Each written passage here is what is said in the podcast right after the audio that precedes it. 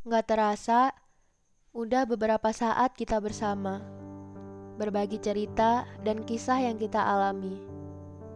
Terkadang kita memang melalui hari-hari yang berat, dihadapkan dengan berbagai pilihan, tapi kita seolah tidak diperbolehkan untuk memilih.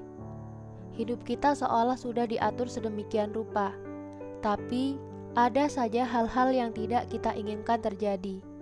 Bahkan, keseimbangan yang susah payah kita bangun dalam hidup bisa retak begitu saja.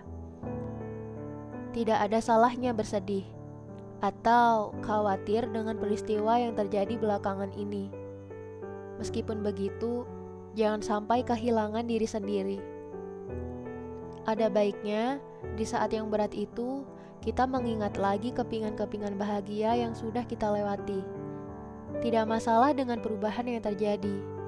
Keterbatasan bukan untuk dipaksakan, tapi dijalani dengan sebaik mungkin.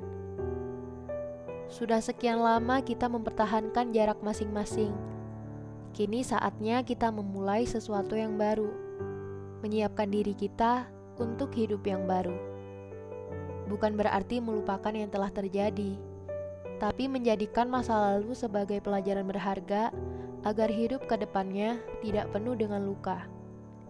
Terima kasih untuk kamu karena sudah mau berbagi cerita.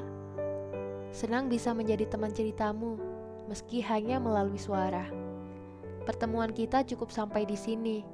Semoga harimu ke depannya selalu baik dan dipenuhi kebahagiaan. Terima kasih, teman.